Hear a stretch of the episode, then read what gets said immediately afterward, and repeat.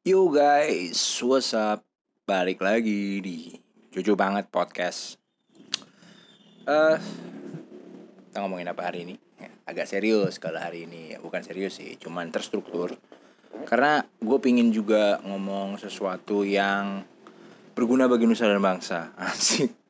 Eh, Ya paling nggak buat lo yang dengerin Kalau ada yang dengerin Itu eh, bisa bisa punya pengetahuan lah lebih wacana lu jadi nggak itu itu doang nggak cuman kantor lah apa lu ngurusin nasabah klien ini itu. Cuman ada masalah-masalah di luar sana eh, yang bisa kita bahas dan bisa membuat lu mikir dan paling nggak what can I do for that gitu. Jadi paling nggak lu bisa bisa berkontribusi selemah lemahnya iman paling nggak kita ngobrolin. Paling nggak lu tahu jadi eh, kalau lu tergugah untuk melakukan sesuatu that's good. Cuman kalau enggak ya setidaknya eh, kita tahu dulu gitu. Kita aware lah bahasa kerennya awareness asik. Oke, eh, gue pingin ngomongin soal eh, industri kelapa sawit di Indonesia. Asik, berat ya, agak berat kelihatannya. Enggak juga sih. Kenapa? Karena ini satu hal, satu produk, satu komoditas yang nggak mungkin eh, absen dari rumah lo? Pasti ada.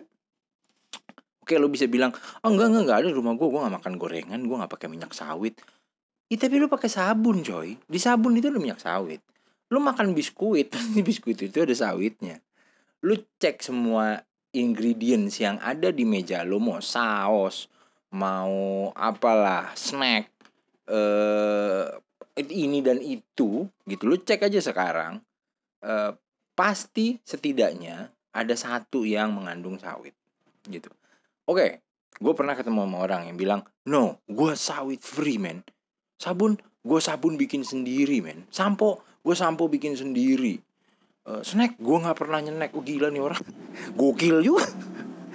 Militan banget tapi nggak mau sebegitunya gitu kan. Eh, jadi punya alasannya sendiri. Nanti gue ceritain kenapa alasannya. Cuman eh jujur sampai sampai hardliner gitu. Cuman gue bilang, ya tapi kalau lu disuguhin gorengan tetap lo makan kan? Ya iya dong. Lah ya udah, tetap di gorengan itu juga minyak sawit gitu. Lu beli gorengan abang-abang bisa minyak sawit. Lu ke acara rapat atau lu ke tahlilan atau ke yasinan atau apa dikasih makan sama orang juga ya ada sawit ya. So pasti itu sawit masuk ke tubuh lu dan itu akan jadi bagian dari keseharian lu. Suka atau nggak suka, lu mau nolak kayak apa, eh, sama aja kayak wah gua nolak produk asing. Ya lu telanjang aja kalau nolak produk asing. Gimana ceritanya? Mulai dari kolor sampai baju lu produk asing semua. Jadi it kind of impossible gitu kan. Jadi eh, penting untuk kita obrolin di sini. Dan sebetulnya ada apa di belakang sawit? Dan kenapa sampai kita perlu ngomongin ini? Kenapa kita perlu aware tentang sawit ini? Selain dari eh, produk ini yang memang melekat banget dengan keseharian kita. Dan hampir ada di seluruh eh, aspek yang yang yang ada di meja makan kita, kamar mandi, meja rias, kosmetik gitu ya. Eh, Selain itu, selain ke- kelekatannya dengan kehidupan kita apa gitu yang perlu kita ketahuin. So soal ini gue pengen bahas itu. eh gue selalu ngomong sore ini karena gue kalau bikin podcast selalu sore jadi kayak kayak langsung gitu. Padahal sih bisa jadi orang dengernya pagi atau tengah malam gitu. But anyway ya gitulah. So nanti kita akan obrolin itu. Dan kita juga akan dengerin wawancara dari salah seorang eh, pakar mm, di di sektor sawit ini gitu. Nah, gue pas kemarin ketemu sama dia ngopi bareng sama dia Eh, gue langsung todong aja ayo coy bikin podcast sama gue coy. Oke oke oke seru seru. Nanti kita kenalan sama siapa itu terus eh eh apa lagi ya? Ya kurang lebih itu. Nanti kita kita bahas eh, beberapa poin dari sawit Indonesia. What's behind Indonesian palm oil? Asik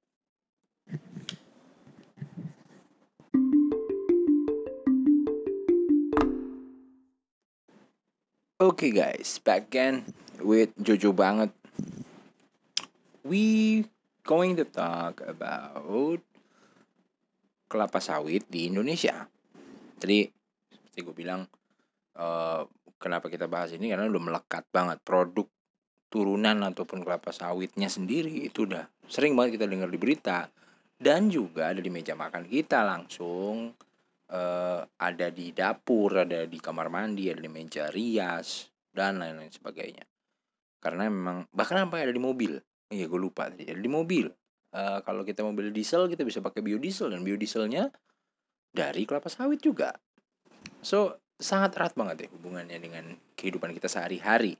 Dari hal yang paling kecil sampai yang paling gak pikiran sama kita ada minyak sawitnya tapi pantas untuk kita sekarang belajar lebih aware lagi tentang industri ini gitu.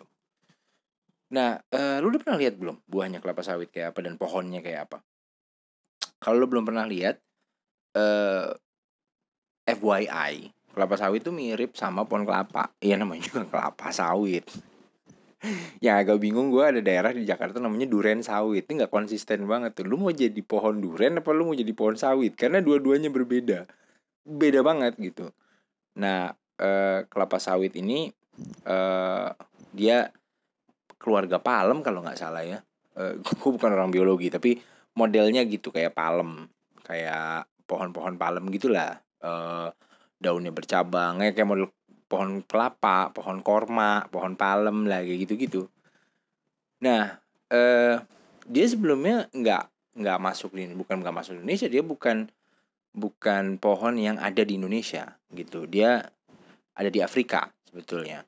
Origin originnya itu di Afrika. E, dibawa sama orang Belanda, ditaruh di kebun raya Bogor gitu. Nah, itu tahun sekitar tahun 18-an lah, 1848 kalau nggak salah.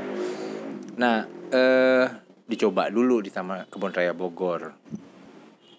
Habis itu eh sebagai botanical garden gitu, ya memang tujuannya ya jadi koleksi, koleksi botani, koleksi ya buat hiasan lah gitu, bukan bukan buat nggak kepikiran tuh dijadiin komoditas pada zaman Belanda waktu itu.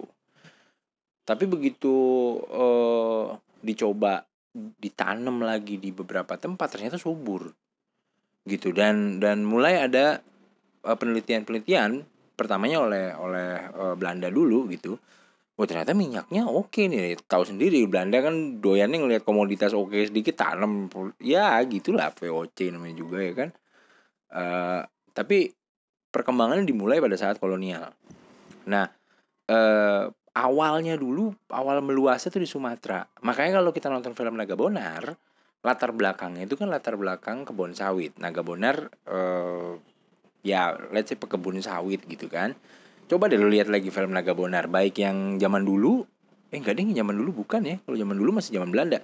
Yang Naga Bonar sekarang, Naga Bonar yang ada Tora Sudironya. Nah, itu latar belakangnya kebun sawit. bukan latar belakang di filmnya, cuma latar belakang memang eh, apa namanya maksudnya bukan latar belakang gambarnya emang gambarnya ya kebun sawit cuman maksud gue latar ceritanya tuh adalah dia pekebun sawit di Sumatera so memang memang terkenal banget Sumatera itu e, bisa dibilang region di Indonesia atau pulau besar di Indonesia yang e, punya kebun sawit besar dan tua gitu di Pulau Sumatera itu so sorry meluas lah Aduh, sorry, gue agak gelegean meluaslah di Sumatera untuk pertamanya. Nah, eh baru habis sekitar tahun 80-an, 1980-an eh ini apa namanya mulai mulai berkembang sekitar 200-an ribu hektar lah. Itu masih kecil dibandingin yang sekarang gitu. Itu itu masih masih biasa lah. Nah, habis itu mulai berkembang, berkembang, berkembang.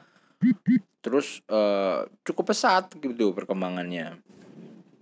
Nah, eh, di 2009 aja udah sampai 7,2 juta hektar. Dulu bayangin, dulu awalnya cuma 200 ribu. Gue dulu awalnya agak susah ya ngebayangin gedenya gitu, skalanya 200 ribu, 200 ribu hektar sama 7,2 saking gobloknya gue. Cuman begitu gue ngebayanginnya ini, apa namanya, duit. gue duit. Kalau duit cepet gue kayak bolot kan. Bolot kan kalau yang lain dia nggak denger. Kalau duit denger sama gue kalau kalau ngitung suruh ngitung angka-angka gitu aduh berat. Cuman kalau diandaikan duit cepet gue lu bayangin lu punya dua ratus ribu sama punya 7,2 juta udah kan jauh banget gila. Lu lu milih mana? Pasti lu milih 7,2 kan kalau duit kan? Jadi skalanya tuh kalau dibandingin duit lu cuma punya 200 ribu. Itu di di di di awal 80-an dan 2009 udah sampai 7,2 juta. Itu gede banget gitu kan? Dan itu 2009 di 2015 eh bukan 2015 2000 sekarang tahun berapa ya? 2018 sorry. 2018 itu udah hampir nyampe ke 15 juta itu data KPK terakhir. Data dari Kementerian Pertanian baru sampai 14 juta. Memang ada perbedaan data. Tapi ya ya udah belasan juta gitu. Intinya udahlah kalau usah diperdebatin beda yang mana bener yang mana. Tapi udah sampai belasan juta.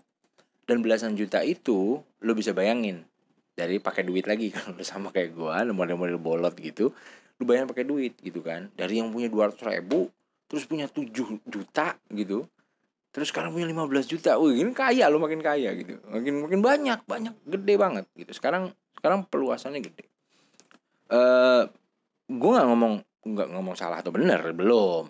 Belum. Nanti lo nilai sendiri. Belum belum sampai ke titik situ.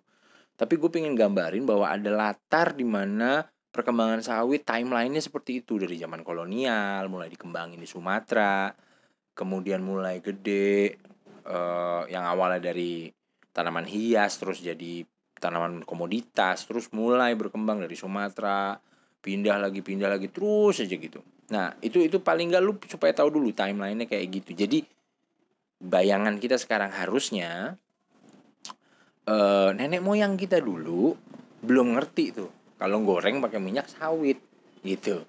Mungkin mereka pakai minyak kelapa gitu ya. Gua nggak tahu. Gue belum riset lagi tuh. Uh, nenek moyang kita zaman Majapahit dulu kalau goreng pakai apa? Gue belum gue belum belum belum tahu jujur aja. Cuman kalau ngelihat dari timelinenya uh, sawitnya masuk dari Afrika dibawa sama Belanda tahun 18-an ya itu artinya kan sebelum itu nenek moyang kita nggak kenal sawit gitu so uh, ini adalah tanaman yang diintroduksi bukan tanaman asli Indonesia sehingga uh, apa namanya perkembangannya juga harus dilihat uh, ada rentang waktu yang perlu kita ketahui bersama Oke, so kita utuh ngelihatnya. Nah, timelinenya dulu gue pengen jelasin ke lu.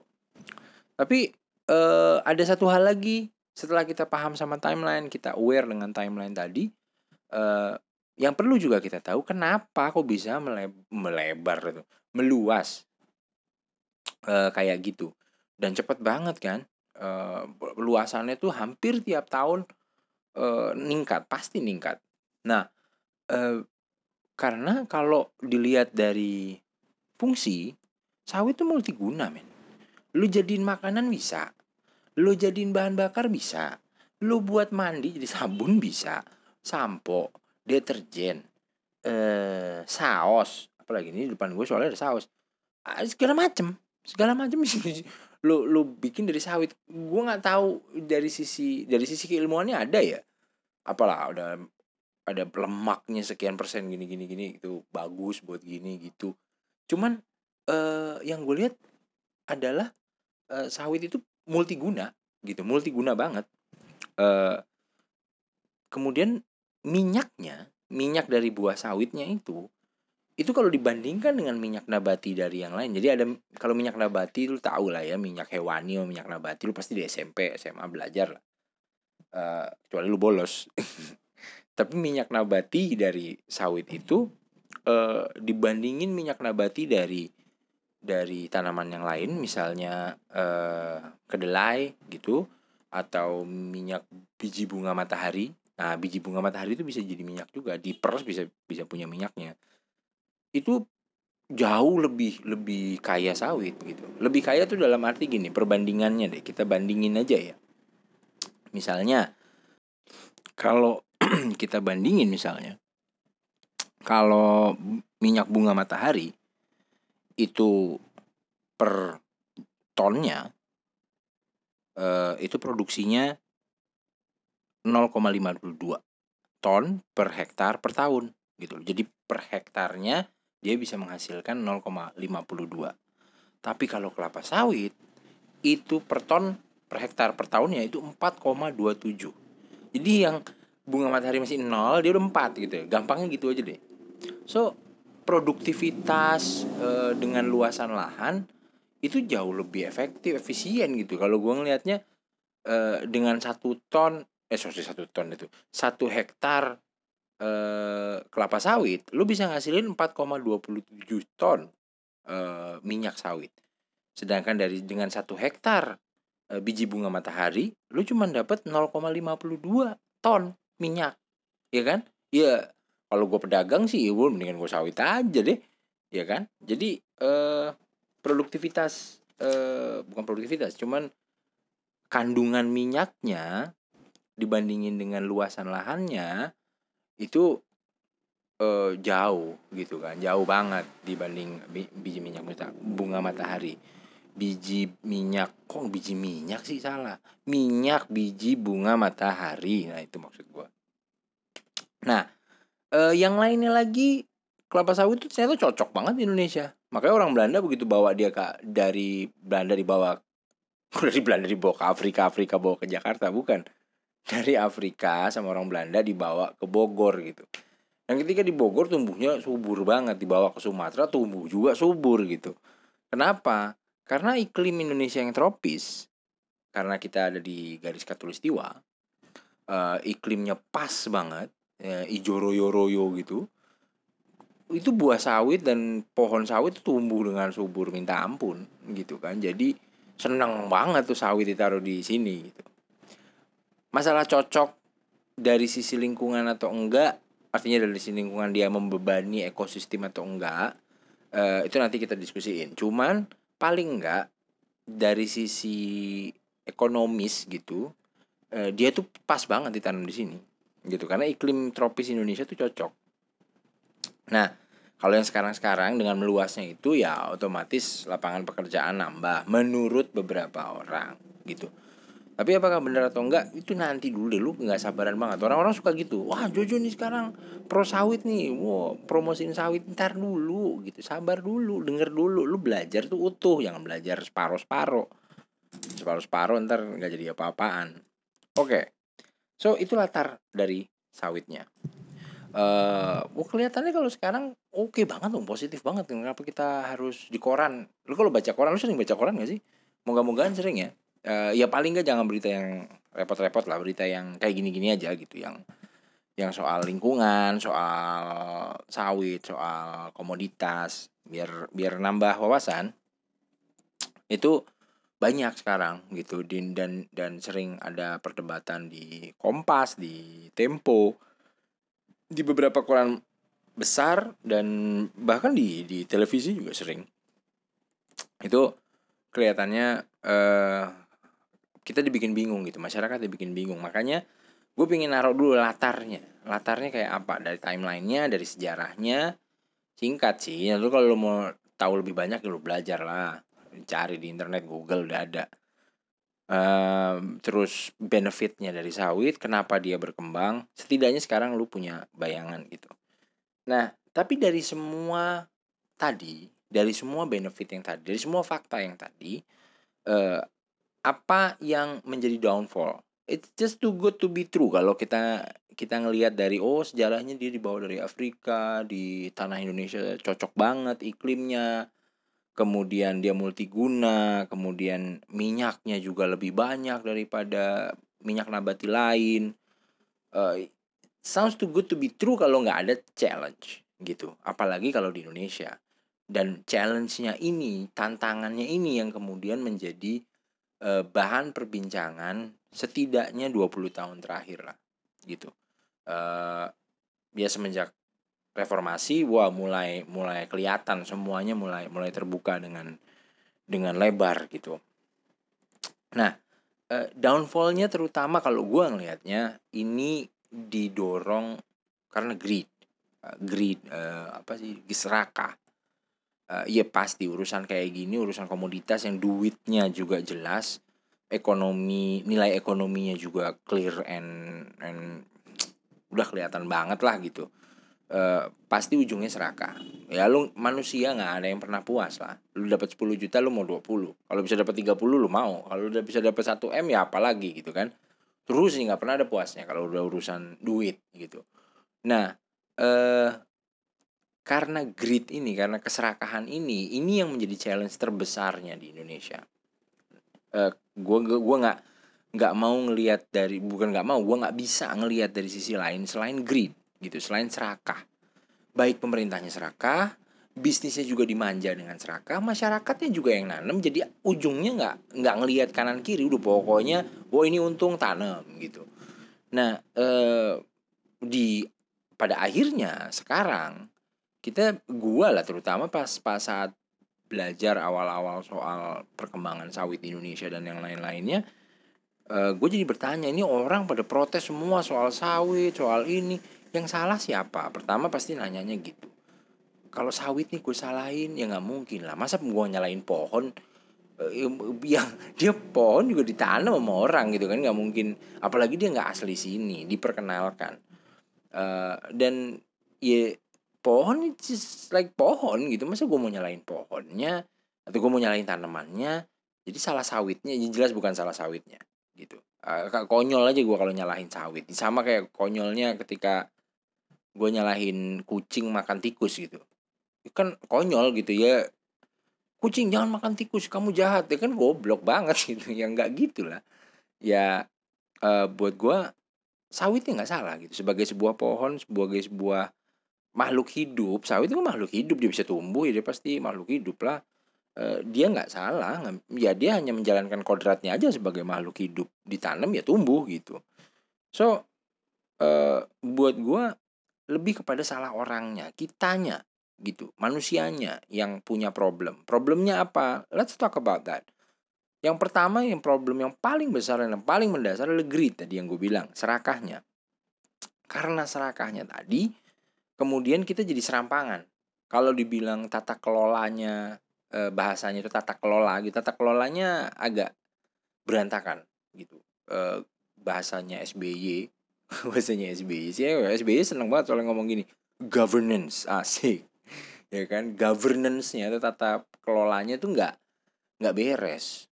Uh, tata kelola ini kan maksudnya misalnya kayak gini ada wilayah yang seharusnya nggak ditanemin sawit ditanemin sawit tadinya wilayah ini uh, hutan lindung terus dibabat tanemin sawit demi apa ya demi ekonomi gitu demi pendapatan. Kenapa? Karena benefitnya sawit gede banget. Jadi sebanyak-banyaknya kalau bisa satu Indonesia dijadiin sawit semua lah. Nggak perlu ada yang lain gitu.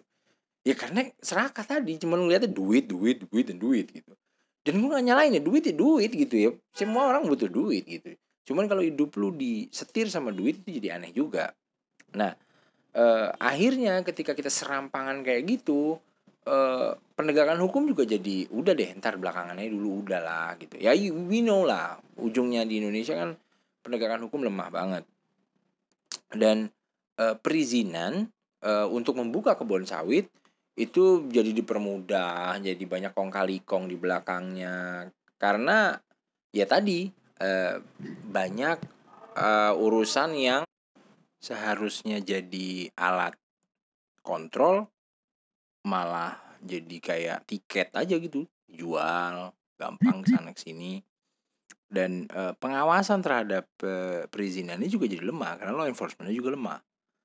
Jadi uh, tata kelola itu baru beberapa hal aja. Belum lagi nanti ketidaksesuaiannya. Ya kayak tadi gue bilang uh, nyampur aja sih gitu nyampur bahwa karena orang udah terlalu menggebu-gebu pokoknya sawit harus dibuka sebanyak-banyaknya seluas-luasnya supaya kita dapat duit yang juga sebanyak banyaknya uh, biar orang mau kaya boleh nggak ada yang larang mau kaya.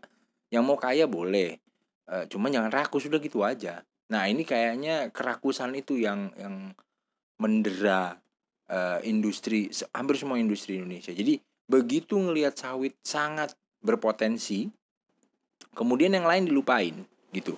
Uh, ketika ngelihat sawit begitu naik gitu komoditas yang lain nggak ada. Dan sawit itu bisa dibilang uh, komoditas yang Indonesia bisa swadaya. Bisa swadaya itu arti eh, swas oh, swadaya? Salah. Swasembada eh, bahasa bahasa di berita-berita. Swasembada. Swasembada sawit kita.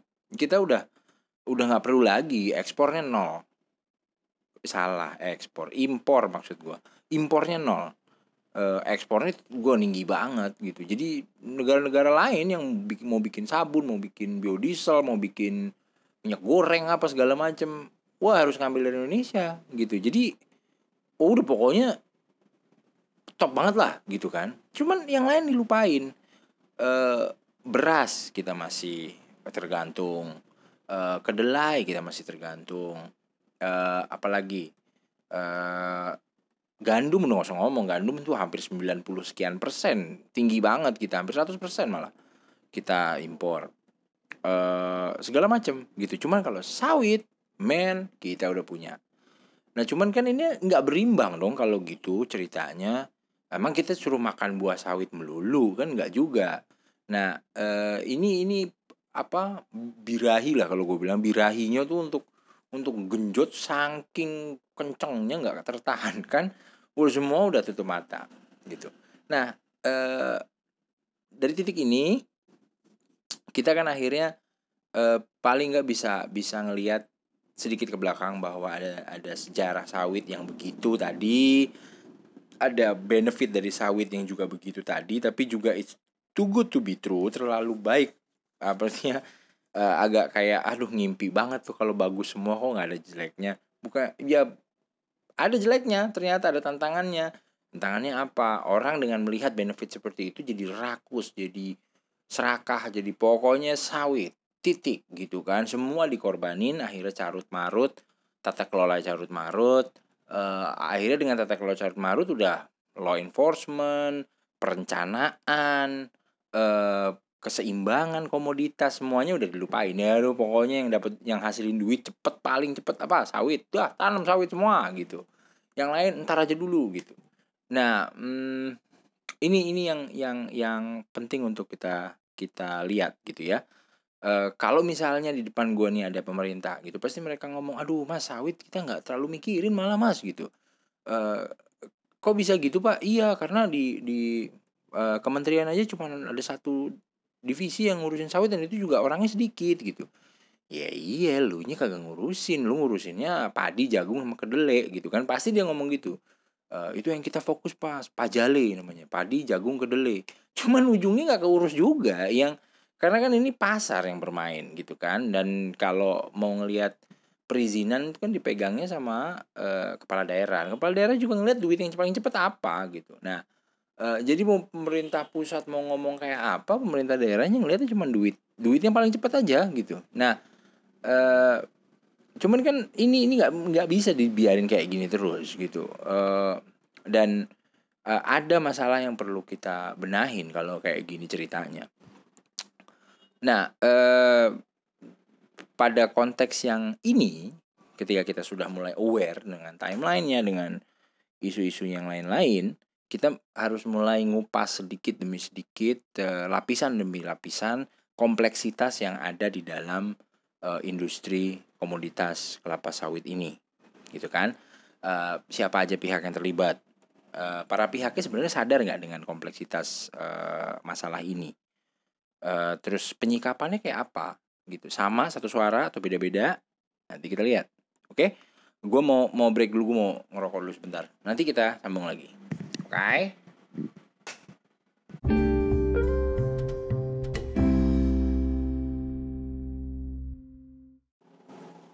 Oke, sekarang kita mulai kupas pelan-pelan kompleksitasnya. Jadi kompleksitasnya kelapa sawit kalau kalau kalau kita mau kupas, kita mau andaikan dia dia modelnya hampir kayak bawang gitulah. Bawang bombay jadi gue gue sekarang sering motong bawang cuman gue bingung orang yang selalu mengandaikan harus dikupas seperti bawang gitu. Itu gue nggak ngerti ternyata bawang bombay. Kalau bawang bombay itu ngupasnya gitu jadi layer demi layer demi layer gitu. Nah uh, layer yang paling luar yang perlu kita lihat kan tadi ada masalah uh, benefitnya kita udah kupas uh, sejarahnya kita udah kupas. Kemudian mulai ada kompleksitas di layer yang selanjutnya itu ya tadi law enforcement uh, good governance-nya yang nggak ada, tata kelolanya yang carut marut dan segala macam itu mulai kita kupas. Itu udah mulai ketemu layer ini. Nah, layer selanjutnya yang perlu kita kupas adalah aktor-aktornya uh, sadar atau enggak dengan masalah yang ada di sawit sekarang dan uh, apa yang uh, menjadi penyikapan mereka gitu oke okay, let's start with the business gitu gua dua tiga tahun belakangan ini sering bergaul dengan uh, para pengusaha industri sawit karena gue pingin tahu juga dari persepsi mereka. Uh, latar belakang gue adalah orang uh, hukum lingkungan. Jadi pasti latar belakangnya adalah membela lingkungan hidup. Cuman nggak fair juga nggak akan objektif. Uh, gue pingin cover both sides. Gue pingin tahu perspektif dari mereka apa. Uh, gue nggak mau cuman tahu perspektif gue doang. So gue tahu perspektif gue adalah bad governance dan yang lain-lain. Cuman gue pingin pingin lihat sebenarnya dari dari kelompok pengusaha apa sih bayangan yang ada di kepala mereka yang pertama, mereka selalu bilang gini, bahwa e, Mas, gua tuh kalau pemerintah bilang A, gue pasti nurut. Kalau pemerintah bilang B, gue pasti nurut. Gue nggak bakal berani sama pemerintah. E, nggak mungkin gue berani sama pemerintah. Karena ya gue cuman manut aja di sini gitu. Itu selalu bilang mereka. Cuma ketika gue lihat-lihat, ya pemerintah juga manut sama lu gitu. Artinya mereka punya uang, mereka punya modal, mereka punya uh, dalam tanda kutip kuasa. Karena ya pemerintah ini kan eh, produk politik ya produk produk elektoral gitu. Nah setiap kali uh, mau ada pemilihan mau ada pemilu dan segala macam pasti ada pengusaha di belakang mereka. Ya politik balas budi lu udah tahu sendiri lah. Uh, cuman at the end of the day yang gue juga nggak mau bilang itu ada yang salah deh. That's that's politics that's the world we living in. Di semua negara ya begitu gitu.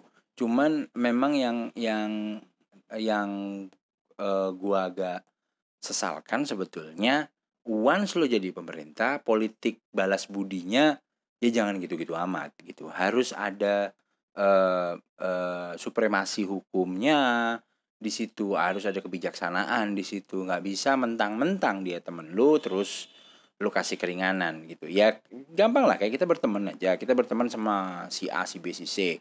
Si A udah pernah bantuin kita si B pernah bantuin kita. Uh, dua-duanya pernah bantuin kita. Terus si A sama si B berantem gitu. Eh, kita mau bantuin yang mana ya? Kita kan perlu kebijaksanaan. Artinya bukan berarti dua-duanya teman kita si A sama si B teman kita. Cuman kan ada kebijaksanaan yang perlu kita uh, sampaikan ada etika-etika yang perlu kita juga sampaikan. Jadi uh, buat gue ya pemerintah harus berteman sama pengusaha, pengusaha juga harus berteman sama pemerintah. Cuman peran dari keduanya gue nggak boleh hilang hanya karena mereka berteman gitu loh. Ya rakyat dimanain gitu, rakyat juga harus berteman sama pemerintah, rakyat juga harus berteman sama pengusaha. Pokoknya nih harus berteman lah semuanya. Cuman bukan berarti karena pertemanan itu nilai-nilai atau norma-norma hukum itu menjadi nomor dua. Itu juga nggak fair menurut gua. So uh, uh, pengusaha selalu bilang kayak gitu. Kita manut aja sama pemerintah. Cuman ya gitu pemerintahnya juga manut sama pengusaha karena punya politik balas budi.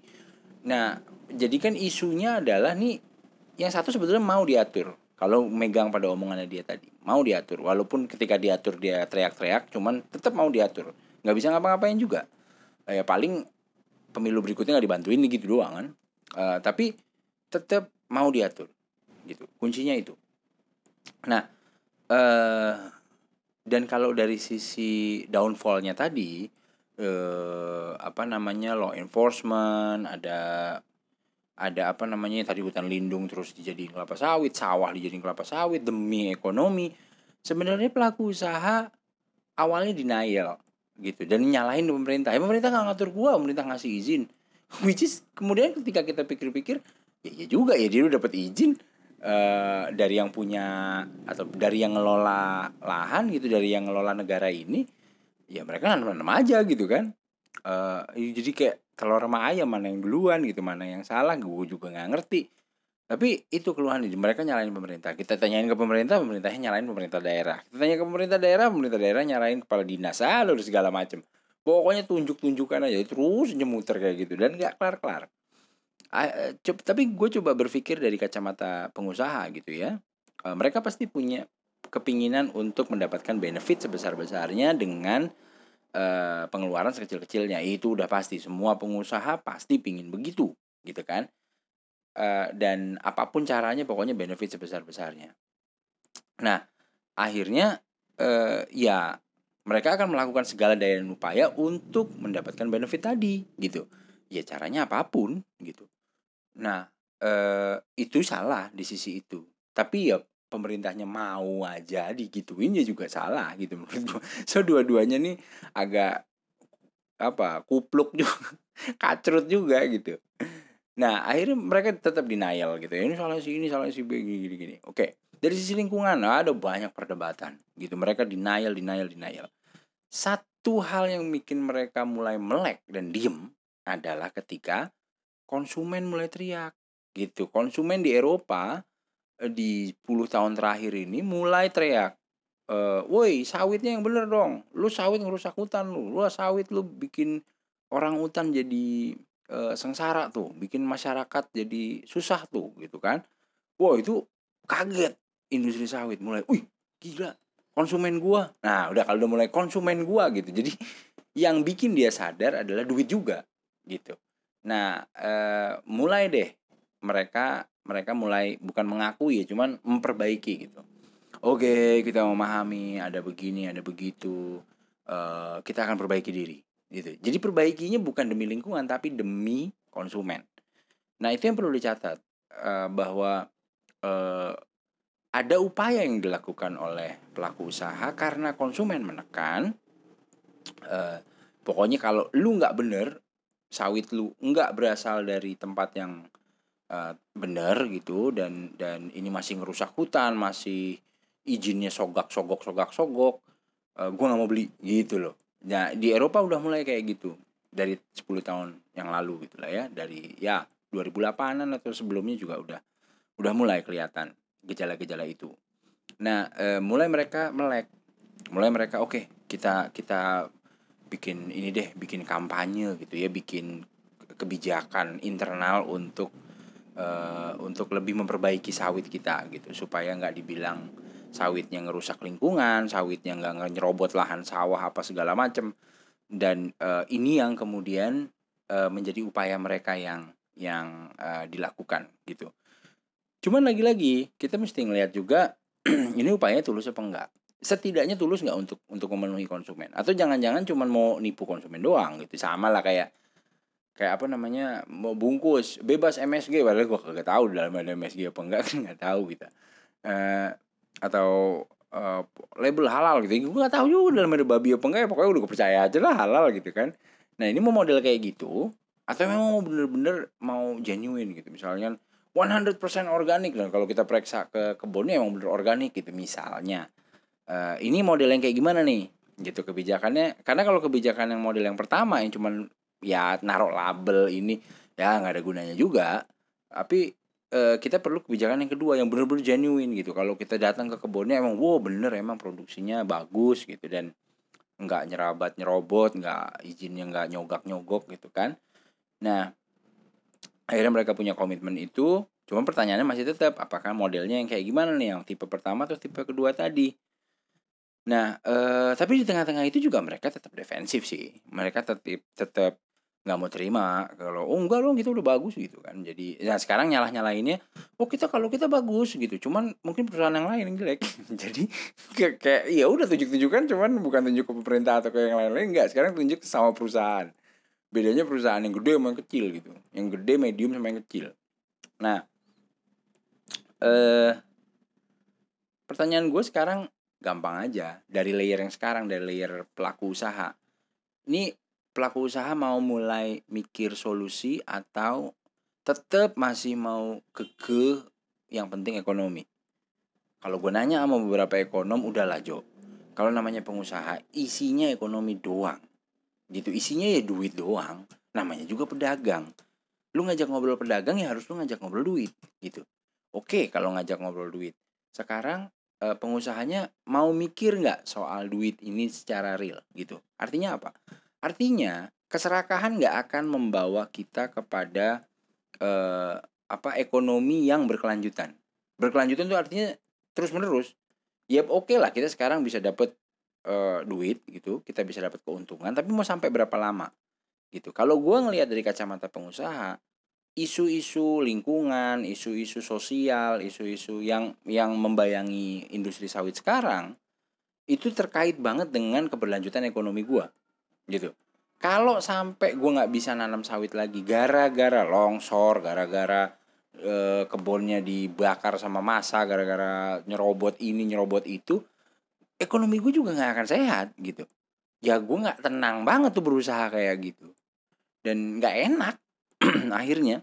So uh, gue pikir kita juga harus ngelihat dengan kita berusaha dengan benar dengan dengan tepat gitu caranya nggak sogak-sogok uh, keuntungan ekonomi kita juga akan lebih meningkat sebenarnya gitu nah solusi ini yang yang mesti kita pikirin dan pelaku usaha harus mulai pikirin ya gue udah ngobrol sama mereka dan beberapa kali jawabannya ya iya mas kita udah mikirin lah makanya kita punya pledge gini gini gini so ada layer lagi nih, nih, di dalam aktor pengusaha yang bisa kita kupas. Cuman nggak mungkin sekarang kita bahasnya.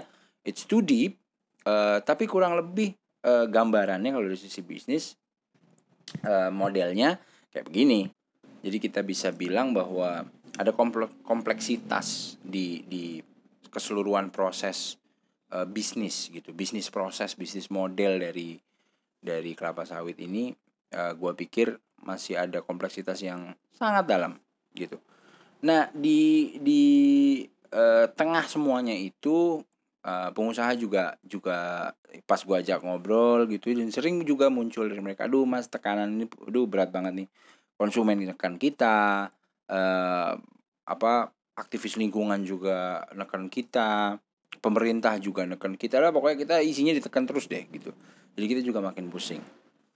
Nah, uh, ya well kesimpulannya dari aktor pengusaha ini uh, gimana caranya kita untuk mulai cari solusi bareng-bareng. Gampang ngomongnya, ngejalaninnya yang mau apa enggak gitu.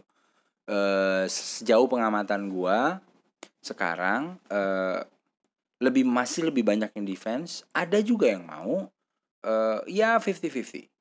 So we'll see. Dan uh, ya teman-teman yang bergerak di bidang ini juga masih akan terus jalan. So ya kita lihat nanti gitu tapi uh, kita nggak bisa berhenti berharap. Gue masih melihat ada ada peluang di sana. Itu dari dari sisi aktor pengusaha. Sekarang kita coba buka lagi layer berikutnya aktor yang lainnya. Pemerintah. Oke. Tadi kita udah bahas sedikit uh, soal pemerintah gitu ya. Uh, gimana ada governance yang yang bad gitu. Ada transparansi yang kurang makanya bisa korupsi bisa sogok-sogokan terus eh, partisipasi dari masyarakat juga tidak terlalu banyak gitu kan? Dan dan eh, koordinasi di antara pemerintah juga lemah makanya ada sawah bisa diserobot ada hutan bisa diserobot lah gitu gitu kan? Eh, dan ya underlying underlying underlying itu apa sih? Eh faktornya yang paling beratnya ya tentu korupsi gitu korup lah. Ada ada yang korup gitu ada data korup gitu kan. Kalau kita masukin USB USB rusak tuh kan data korup. Nah, korup gitu ya. Jadi nggak bisa kebaca. It's just not working. The system is not working. Nah eh kebijakan yang kemudian diterapkan sama pemerintah karena sebab-sebab tadi karena governance yang bad itu uh, itu perencanaannya nggak dilandasin sama data yang jelas gitu. Tadi di awal gue sempat bahas bahwa uh, luasan lahan kelapa sawit antara datanya KPK dengan datanya Kementerian Pertanian berbeda gitu. Ber perbedaannya ya satu juta, satu juta hektar. Tapi ya lumayan lah ada perbedaan itu berarti gitu kan. Nah, uh, cuman bukan cuman itu data yang berbedanya data jumlah produksi, data stok sawit, data petani itu udah beda banget gitu. Jadi perencanaan yang dibikin dalam konteks sawit itu itu sangat amat uh, minim data. Nah, uh, kalau tadi lu masih ingat gue bilang bahwa di kalau ngobrol sama pemerintah, pemerintah kalau akan bilang, "Iyalah Mas, kita nih orangnya dikit gitu kan, personilnya dikit untuk ngurusin sawit." Uh, dan sawit sebenarnya nggak jadi prioritas program pemerintah kita prioritasnya adalah meningkatkan produktivitas padi, jagung, dan kedelai atau pajale. Nah, uh, itu yang selalu jadi alasan gitu bahwa ya memang kita butuh bantuan gini gitu gini gitu. Uh, uh, Oke okay lah, gue bisa bisa paham alasan itu gue bisa paham. Cuman eh, yang gue nggak bisa paham adalah kenapa tindakan pemerintah tidak cukup eh, tegas untuk eh, kemudian mempunyai grand design atau eh, rencana besar untuk oke okay, sawit nih kayaknya gue nggak ngurusin tapi ternyata meledak-ledak di luar dan menjadi primadona bagi pelaku usaha dibandingin padi jagung dan kedelai. Tapi gue juga perlu padi jagung dan kedelai gitu. Artinya mereka kan harus punya rencana besar untuk memikirkan semua komoditas ini supaya jalan beriringan dan sesuai dengan kebutuhan Indonesia gitu loh nggak menganaktirikan padi jagung dan kedelai dan menganak emaskan sawit. Tapi katanya an anaknya yang namanya sawit ini nggak begitu diurusin cuman tumbuh jadi anak yang hebat. Sedangkan padi jagung dan kedelai udah di sekolah yang tinggi tinggi tetap aja nggak jadi apa-apa. Kan gitu ceritanya. So gue ngelihatnya uh, agak tidak adil cara pemerintah memandang komoditas yang ada di Indonesia yang perlu dikembangkan di Indonesia gitu jadinya uh, perkebunan sawit ini pelaksanaannya di Indonesia karena tadi anak-anak yang dianggap tidak diurusin, tidak menjadi prioritas, wah udah nggak terkendali, nggak nggak terkendali. Wah ini anak oh, jenius ternyata gitu. Jadi nggak di sekolahin aja udah bisa bikin AIU AIU gitu. Nah kan aneh gitu. Dan kita harus ngelihat ini ini sebagai uh, eh, gue suka pakai analogi analogi kayak gini karena di di kepala gue jadi lebih mudah mahaminnya. Nah uh, karena nggak terkendali tadi uh, akhirnya ya, jadi banyak masalah gitu.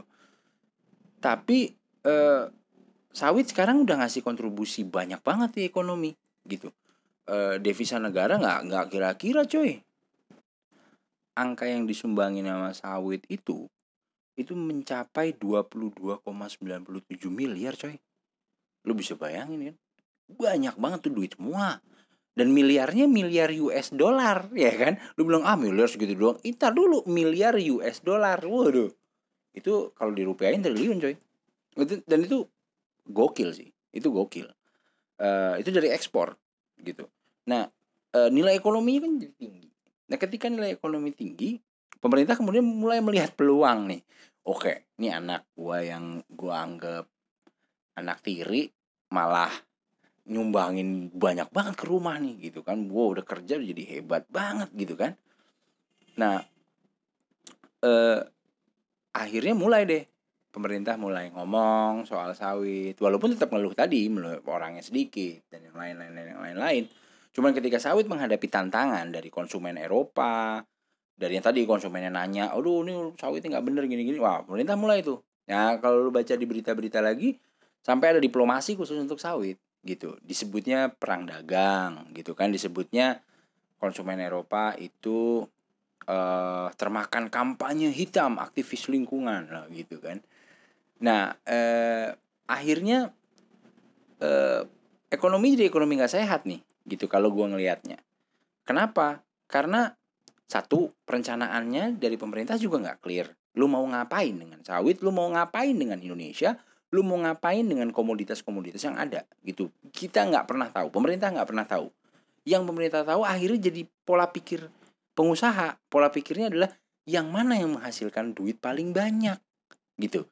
Cuman uh, eh, gue seorang bapak ya.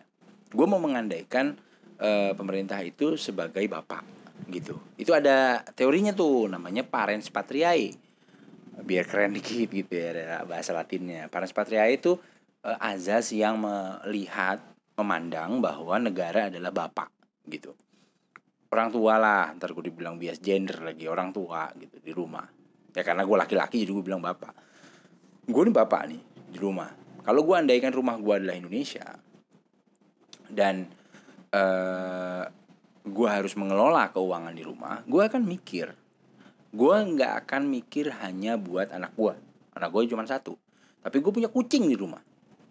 Ya kan? Nah uh, eh, gue harus mikir anak gue makan apa? Kucing gue bisa makan nggak? Gitu. Uh, kucing gue ada empat. Jadi semuanya harus gue kasih makan. Uh, anak gue gue pelukin pas pas tidur kucing gue udah gue lus lus belum gitu. Jadi gue harus imbang lihat semuanya. Nggak bisa gue cuma ngelihat satu yang menguntungkan aja. Mentang-mentang anak gue manusia terus gue hanya sayang sama anak gue juga nggak baik. Gitu. Gue harus ngelihat semua warga yang tinggal di rumah gue termasuk kucing gue gitu. Dan demikian juga pemerintah. Nggak fair juga ketika dia ngelihat mentang-mentang sawit punya nilai devisa tinggi terus hanya langsung dia ke sawit yang lain nggak dipikirin. Tapi ngakunya dia mikirin semua.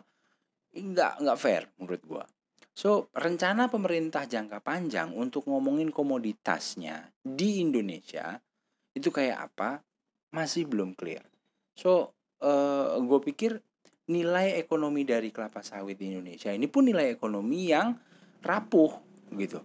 Rapuh karena nggak ditopang sama sebuah uh, rencana jangka panjang yang pada akhirnya uh, kita bisa kolaps kapan aja gitu loh. Kalau kita hanya bergantung pada ekspor sawit Nah, uh, orang masih bisa berkelit, "Wah, nggak apa-apa kalau Eropa nggak mau sama kita, kita masih bisa cari pasar lain." Amerika, "Wah, Amerika nggak mau juga, oke, kita masih bisa punya Cina, kita masih bisa punya India, kita masih bisa punya negara-negara lain." Udahlah, biarkan saja gitu kan. Nasionalisme nomor satu, nasionalisme palelo. Lu kalau ngomong nasionalisme, kenapa lu menganaktirikan yang lain? Gitu loh. Kalau gue pikir kita sekarang harus lebih objektif melihatnya. Bukan cuma soal sustainability, Cia, ya, gue lupa gue ngelasin sustainability apa bukan. Maksud gue bukan soal uh, keberlanjutan, lingkungan aja atau sosial aja, bukan soal penyerobotan-penyerobotannya doang. Enggak, kita harus melihat seluruhnya. Kita harus mulai ngupas bawangnya satu persatu. Lama, capek. Ini podcast gue aja nih paling lama mungkin dari yang podcast-podcast yang lainnya. Cuman buat gue perlu kalau mau ngomongin ini ya lu bosan denger ini silakan aja. Cuman e, menurut gua kita perlu kupas satu persatu bawangnya. Kalau nggak kita kupas satu persatu sampai lebaran kuda kita nggak akan bisa selesai urusan layer layer-layer challenge di sawit ini. Dan lihat aja nanti ketika e, sawit produksinya sudah sampai ke puncak permintaannya nurun harganya mulai turun mulai terlantar tuh kebun-kebun sawit diganti dengan komoditas yang lainnya. Dan kalau kita punya pola pikirnya sama seperti kita mikir di sawit, udah kelar urusannya. Kelar adalah kita akan ngulang permasalahan yang sama tahun demi tahun dan kita nggak akan berubah. Gitu. So, do we wanna change? Do we wanna make a better Indonesia? Kalau mau, kita mulai pikirin semuanya, gitu. Dipimpin sama pemerintah lah. Ya, ya jelas loh mereka pemimpin udah kita bayar kan untuk mimpin jadi ya kita ikut. Cuman mereka harus mulai mikir gitu. Nah eh, ngelihat bad governance ada sogak-sogok di sana sini gue nggak bilang pemerintah nggak ngelakuin kerjanya. Mulai melakukan kerjanya. Cuman ya agak telat aja sih. Lo tau 2018 baru dikeluarin kebijakan soal eh, jeda pembukaan. Jeda tuh apa ya? Iya jeda ya. Bahasa Indonesia kan jeda ya? Jeda. Jeda pembukaan uh, perkebunan kelapa sawit dan peningkatan produktivitas. Nah, uh, mulailah dipikirin gitu kan, mulailah bilang udah dulu gue nggak mau rakus lagi deh gitu kan. Ceritanya kan gitu, udah gue mau stop makan lagi gue gue mau mau lihat dulu mau nimbang berat badan gue nih gitu kan. Mau lihat gue sehat apa enggak. Ceritanya gitu dengan dengan kebijakan jeda pembukaan lahan baru perkebunan kelapa sawit tadi. Cuman ya telat ya udah 2018 well lebih baik telat daripada tidak sama sekali. Kata pepatah begitu. Tapi ya udah. Oke udah dilakukan. Cuman apakah cuman kebijakan? Men kalau cuman kebijakan jadi kertas dong. Nggak bisa. We have to do something. Gitu harus ada tindakan-tindakan konkret. Cuman sayangnya ini dikeluarkan kebijakannya udah mau deket-deket pemilu nah kalau udah mau deket pemilu penyakitnya pejabat-pejabat pada sibuk deh tuh. Udah mau awal lah kampanye lah tim sukses lah debat lah ini. Aduh pusing. Urusannya udah gak ada urusan yang jangka panjang. Urusannya jangka sampai nanti April pemilu. Udah gitu aja udah. Bisa gitu doang udah jadi aduh gue masih bertanya-tanya sih. Nah, kebijakan ini mau ke mana arahnya? Uh, tapi gue support. Kalau pemerintah mau mengarahkan kita dan mau mengajak kita semua untuk uh, terlibat lu kalau lu dengerin podcast ini berarti lu udah mulai paham so lu udah bisa terlibat. Walaupun lu warga biasa lu kerjanya jadi IT kerjanya jadi apalah kang sapu kang kayu kang batu selalu menjadi apa cuman paling nggak lu udah tahu lu bisa terlibat you can do something uh, dan lu bisa melakukan sesuatu untuk perbaikan. Oke okay. itu dari sisi pemerintah. Nah ada sisi satu lagi yang perlu kita bahas. Sisi apa tuh sisi yang lain-lain sisi yang lain-lain ini uh, sisi yang pemerintah bukan pengusaha bukan contohnya apa contohnya media, uh, aktivis lingkungan, terus uh, universitas gitu ya, terus ada konsultan gitu. Perannya apa sih? Gitu kan? Uh, lu, bilang pemerintah ya bukan, dibilang swasta ya juga bukan gitu kan. Jadi ya udah gue taruh nih perannya ya itu lain-lain. Oke, kita mulai sama aktivis lingkungan. Nah, kalau aktivis lingkungan ini uh, sebetulnya pandangannya adalah uh, bahwa pandangan dan perannya. Pertama pandangannya dulu deh. Pandangannya melihat industri kelapa sawit ini merangsek ekosistem gitu.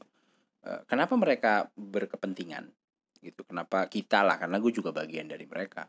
Kenapa kita berkepentingan uh, dan punya pandangan seperti itu? Karena memang faktanya uh, ada banyak kawasan hutan, ada banyak uh, uh, apa namanya ekosistem habitat yang diganggu oleh sawit atau dimasuki oleh sawit. Yang ketika dia dimasuki oleh kebun sawit, uh, ujungnya adalah ekosistem terganggu. Ya kalau dia ekosistem terganggu, lu udah bisa bayangin sendiri apa yang terjadi, mulai dari banjir, tanah longsor, apalah segala macem, itu bisa terjadi, gitu. Dan ditambah lagi dengan perubahan iklim, uh, ekosistem alami ini kan seharusnya tetap dijaga sebagaimana mestinya. Tapi ketika berganti jadi sawit, dia akan mulai terganggu dan akan mempengaruhi perubahan iklim. Nah, eh, posisi ini yang kemudian eh, didasari oleh data tentunya dan kita kita bisa lihat gitu datanya eh, sangat mengkhawatirkan dan itu kenapa posisinya eh, aktivis lingkungan eh, melihat kelapa sawit adalah sebagai tanaman pengganggu gitu. Eh, cuman kita sadar juga bahwa gangguan yang terjadi akibat sawit ini juga tidak berdiri serta merta gitu loh.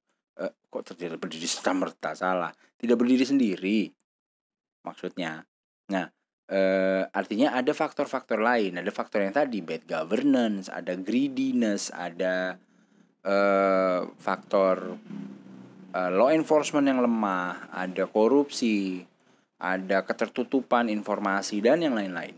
Nah, Uh, jadi ada faktor lain yang menyebabkan uh, komoditas ini berkembang menjadi komoditas yang mengganggu ekosistem gitu. So uh, ini yang menjadi pandangan sejauh ini gitu. Walaupun dalam proses perjalanannya uh, para aktivis lingkungan juga uh, mulai terbagi kepada sekitar tiga kelompok lah ya kalau mau di mau dibagi secara kasar gitu ada satu kelompok yang memang terus menerus menyuarakan dan tiga kelompok ini menurut gue tidak bertentangan. Semuanya saling membutuhkan dan saling perlu untuk kita bicara uh, solusi utuh dari industri kelapa sawit ini. Kita harus punya tiga elemen tadi tiga elemen ini. Yang pertama adalah yang terus menerus menyuarakan bahwa wah sawit itu berbahaya sawit itu mengganggu ekosistem. Dan terus kenapa? Karena ini fungsinya untuk warning, untuk terus memberikan memberikan tekanan gitu, dipecut terus kita. Nah, kelompok yang kedua ada yang di tengah. Ini kelompok-kelompok pemikir. Kelompok, nah ini gue seneng. Kalau kelompok ini gue seneng. Kelompok tengah ini dia akan melihat both sides. Ada untungnya apa, ruginya apa, faktanya apa, uh, skenario yang perlu dibangun apa, dan dan uh, kemudian langkah apa yang perlu kita ambil. Pemerintah harus gimana, uh, pengusaha harus gimana. Jadi asik tuh di tengah tuh selalu seru gitu gue selalu seneng yang ada di tengah nah ada kelompok yang di tengah tadi yang yang mungkin bahasanya think tank atau uh, kelompok-kelompok yang convening gitu convening actors menyambungkan titik-titik antara aktor. Dia tidak mengambil satu spektrum di kanan ataupun kiri gitu. Nah kelompok yang ketiga adalah kelompok yang uh, bisa dibilang aktivis lingkungan bisa juga dibilang organisasi masyarakat. Uh, fungsinya fungsi pendampingan. Jadi dia mendampingi petani, mendampingi pengusaha, mendampingi pemerintah. Jadi dia udah udah ambil spektrum uh, kanan gitu. Dia mengambil spektrum di mana gue mau membenahi, membenahi dari para aktor-aktor tadi, pengusaha, pemerintah, uh, petaninya. Nah, petani ini baru gue sebut sekarang ya. Nanti kita akan ngobrol sama koordinator petaninya. Makanya tadi gue nggak sebutin di awal. Petani itu bagian dari sektor usaha sebenarnya. Cuman dia uh, sektor usaha yang paling kecil dia yang nanem gitu. Nah, uh, posisi petani sendiri walaupun dia sek dia masuk ke sektor swasta tapi dia uh, apa namanya di rantai yang paling rendah karena dia yang bertani gitu. Kalau swasta tuh kan kebunnya gede, kalau petani paling kebunnya 2 hektar, 4 hektar, 10 hektar. Nah, cuman lagi-lagi sama seperti pengusaha. Tadi kan gue bilang kalau pengusaha kita mau go deep di dalam konteks pengusaha, layernya akan ada banyak lagi gitu. Cuman nggak bisa kita bahas di sini. Sama dengan petani. Petani kalau kita mau go deep atau mau dalam lagi, akan ada banyak layer lagi yang mungkin juga nggak mungkin dibahas di sini tapi eh, paling nggak lu tahu dulu ada permasalahan lagi di layer-layer yang khusus untuk lapisan petani nah dari tiga eh, kelompok tadi menurut gue mereka harus saling berkesinambungan dan sejauh ini gue sih masih melihatnya positif saling berkesinambungan. Misalnya kayak kayak yang yang keras gitu di sisi paling kiri gitu udah terus teriak oke okay, great. Uh, gua yang yang lebih suka ada di posisi tengah jadi terus berpikir terus uh, apa namanya berdialektika gitu ya berpikir gini gitu gini gitu. Yang sisi kanan uh, yang juga terus mendampingin dan dan gue terus ngobrol sama dua kelompok ini. Nah itu kalau dari sisi aktivis lingkungan kalau dari sisi media media ini mestinya dia ada di kelompok tengah tapi ya nowadays, nah, gue nggak mau ngomong zaman now lah. Nowadays, uh, media ada di sama kayak aktivis lingkungan tadi. Ada yang posisinya di tengah, seharusnya di posisi seharusnya. Ada yang di kiri. Uh, ini biasanya media-media yang dibuat oleh pelaku usaha atau pengusaha sawit. Uh, atau ada juga media yang di kanan gitu. Nah, biasanya ini media-media yang dibuat oleh para aktivis lingkungan. Jadi sama aja gitu. So dia ada di tiga sisi ini. Dan perannya mereka itu sangat mempengaruhi opini publik. Dan berupaya untuk terus menerus memberikan opini-opini eh, membangun opini publik. Ya sekarang kita kenal dengan adanya istilah influencer ya. Mungkin 10 tahun yang lalu nggak ada tuh. Apaan tuh influencer? Pret sekarang boy lah influencer. Dikit-dikit influencer dikit-dikit influencer. Lu kerja apaan? Gue lagi nganggur. Ah enggak. Gue mau nulisnya influencer. Apa lo juga sebut influencer? Nah eh, ini ini yang dimainkan. Peran influencing gitu. Ya mereka akhirnya pakai influencer gitu ya. Apalah artis cantik apa. Lu pernah lihat gak ada lagunya Ari Lasso dengan Audi? Main lagunya Ari Lasso dan Audi itu soal sawit. Dia ada tuh di YouTube tuh. Lo lihat lo cari aja lo search Audi Ari Lasso sawit gitu. Ntar keluar deh. Lalu dengerin lagunya. Nah itu influencer kan. Dia mereka menggunakan influence para artis untuk menggiring opininya bahwa sawit itu oke okay, nggak ada masalah dengan sawit dan segala macam nah eh gue ini mencoba influencing lu apa enggak ya, ya jelas kagak. Kenapa? Karena belum tentu juga lu denger gue gitu. Siapa gue gitu. Jadi gue bukan influencer jelas bukan nah uh, tapi di sini di titik ini yang gue lihat adalah uh, peran media uh, ke menggiring opini. Nah, kalau akademisi uh, akademisi dua aja lah uh, posisinya, posisi kanan, posisi kiri.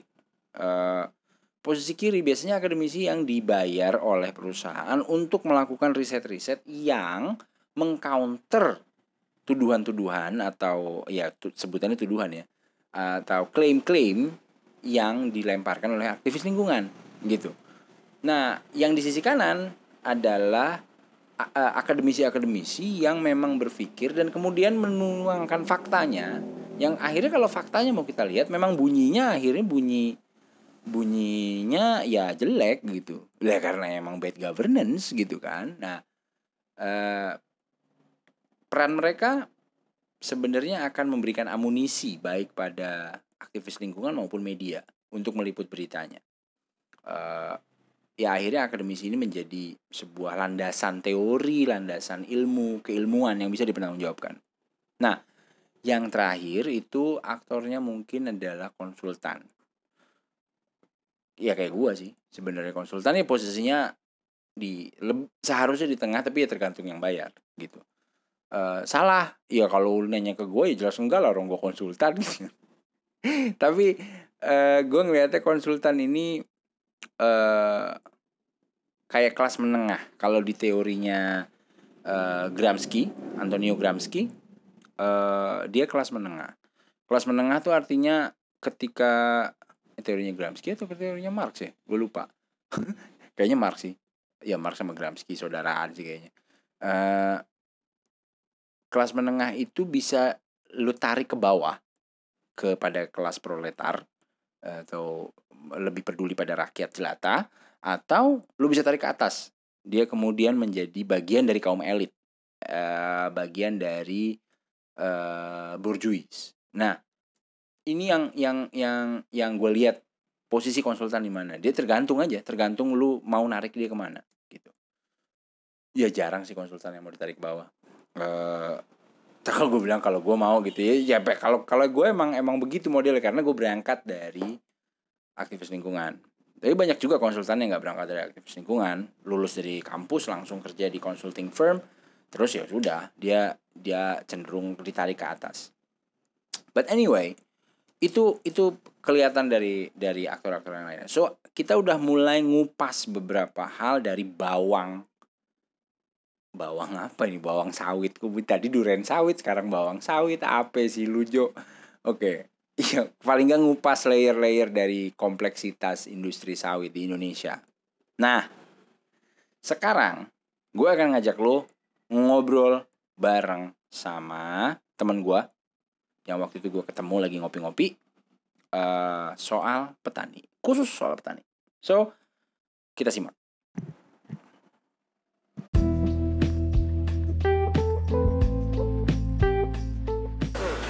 Oke okay guys, welcome back to Jojo banget channel.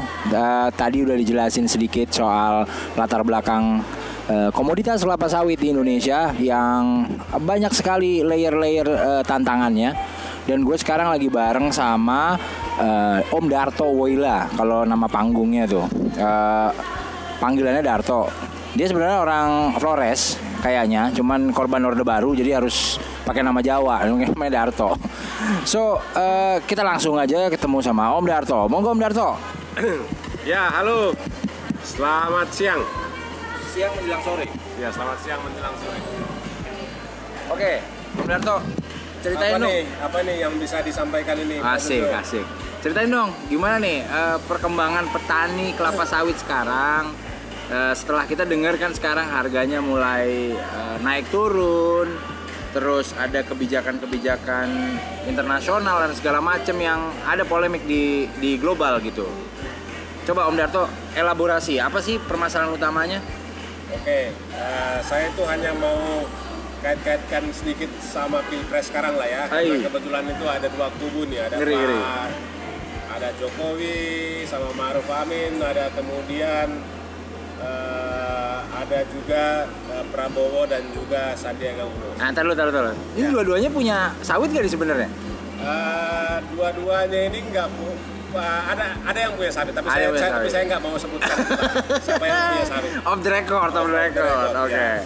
Eh, karena kan kita tidak sedang mengkampanye toh. asik Uh, saya tuh mau mau challenge aja kepada dua dua dua apa namanya dua kelompok ini uh, kubu Prabowo dan juga kubu Pak Jokowi bahwa ini petani sawit itu itu totalnya itu 17 juta ya. 17 itu Pak Jokowi itu sudah sampaikan bahwa petani sawit itu dan juga termasuk anaknya tentunya ya, anak keluarga segala macam lah ya ya ya itu 17 juta. Jadi kalau mau dikalkulasikan suara untuk pilpres itu bisa jadi plus minus dengan terdaftar atau tidak sebagai pemilih pemilih Ya. itu sekitar 14 persen ah ya 14 persen. Nah situasi sekarang kalau dikaitkan sama pertanyaannya Pak Jono tadi itu dinamikanya apa saat ini? Saat ini itu dinamikanya petani itu lagi teriak-teriak di kampung, di kebun-kebun sawit. Teriaknya apa? Harga sawitnya itu turun Ah. kurang dari seribu rupiah. Kalau harga kurang dari seribu rupiah buat petani itu, itu sudah lampu lampu Kuning ya. lampu kuning. Artinya kencangkan ikat pinggang anda. Gitu. Makan tandan aja udah. makan tandan. Jadi kalau mau ngomongin pilpres, jadi kalau Pak Jokowi mau dapatkan suara full 14% itu dari petani, jadi bekerjalah sekeras-keras mungkin untuk bisa dapat suara 14%. Nah kalau Pak Jo, kalau Pak Prabowo mau dapat suara 14% ini, itu juga punya potensi.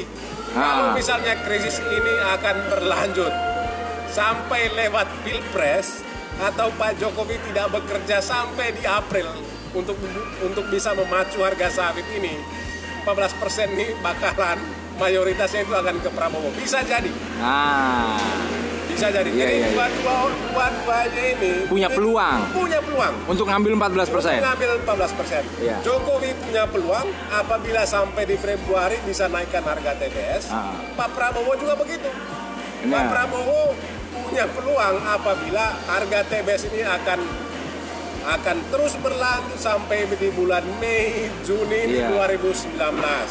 Iya. Dan juga tentunya harus bisa menawarkan program yang konkret tentunya Hmm. untuk petani sawit itu. Misalnya gini, contoh, oke moratorium ada ini, tinggal kemudian apa yang harus dilakukan oleh Prabowo untuk bisa melanjutkan ini, di Ya. secara praktis agar bisa meraih suara tadi, Ya, ya. ya apa yang bisa dilakukan? Artinya kalau kayak gini Jokowi udah curi start sebetulnya ya. Kalau Ya. kalau kayak gini kelihatan Jokowi udah curi start dengan kebijakan moratorium seharusnya. Bisa jadi cuy, Prabowo di pur setengah lah bisa jadi begitu. Tapi harapan saya itu adalah jangan sampai seperti eh, impres moratorium sebelumnya, ya. Impres moratorium sebelumnya.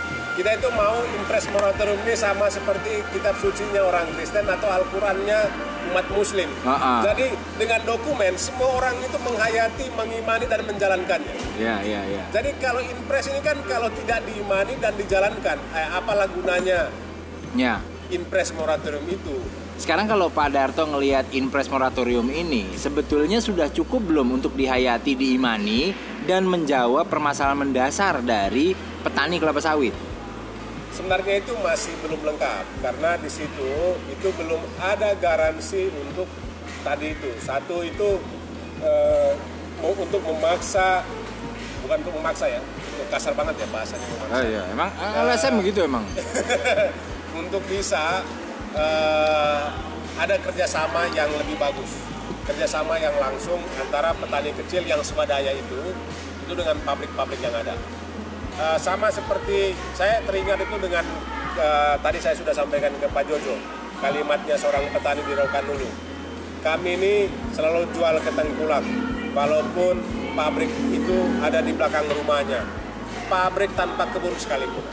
Jadi ini menunjukkan bahwa tidak ada garansi pabrik itu mau di kampungnya dia, di belakang rumahnya dia, tidak ada garansi buahnya dia itu akan jual akan jual ke pabrik ini. Tidak ada garansi. Karena Karena apa? Karena semuanya itu mau mau mau cari enak, mau mental enak, hmm, mau mental enak. Satu itu kan petani itu nggak punya kelembagaan. Jadi kalau misalnya petani itu jual sendiri-sendiri bawa ke pabrik, ngantri itu nanti pabriknya itu.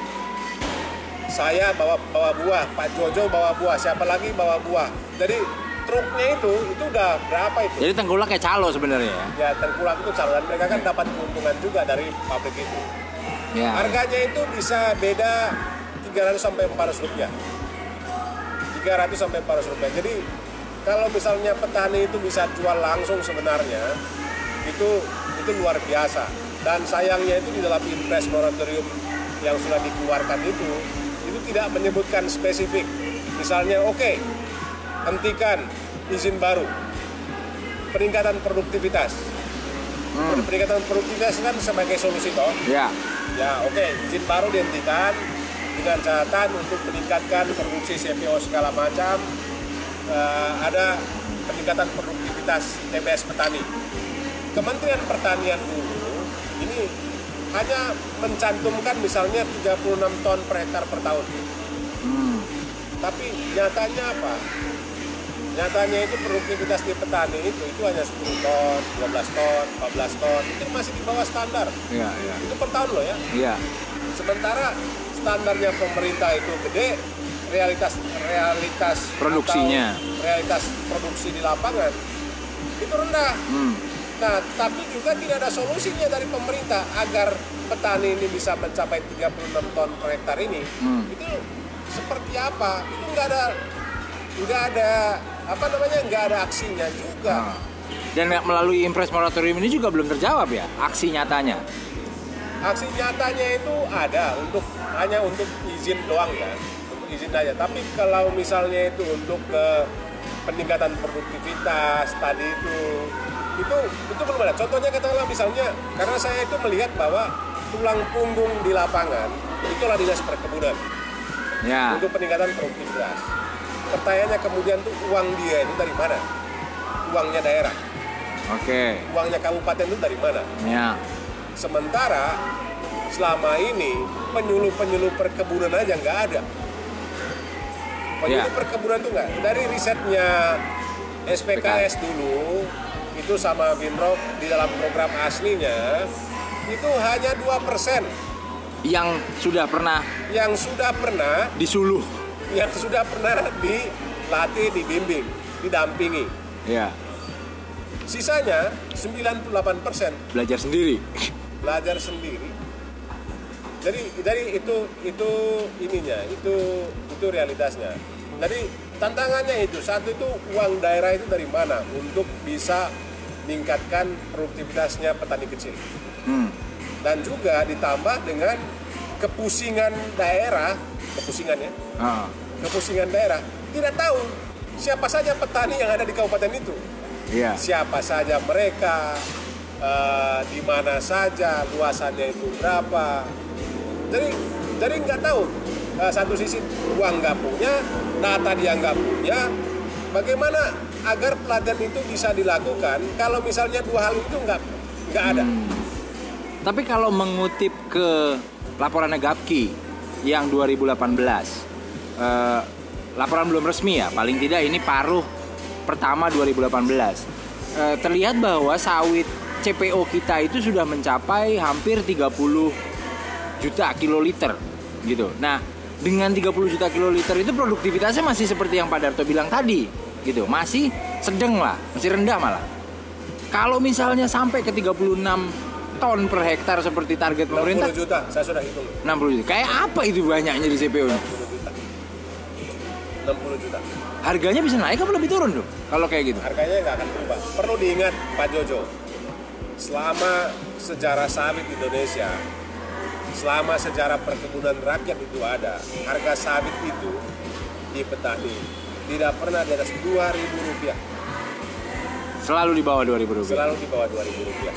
Ah, Dengan Malaysia, saya sudah hitung ya, saya sudah membandingkan eh, harga mereka sama harganya kita. Mereka itu lebih tinggi kok. Selalu selisihnya itu eh, 300 rupiah di atas kita.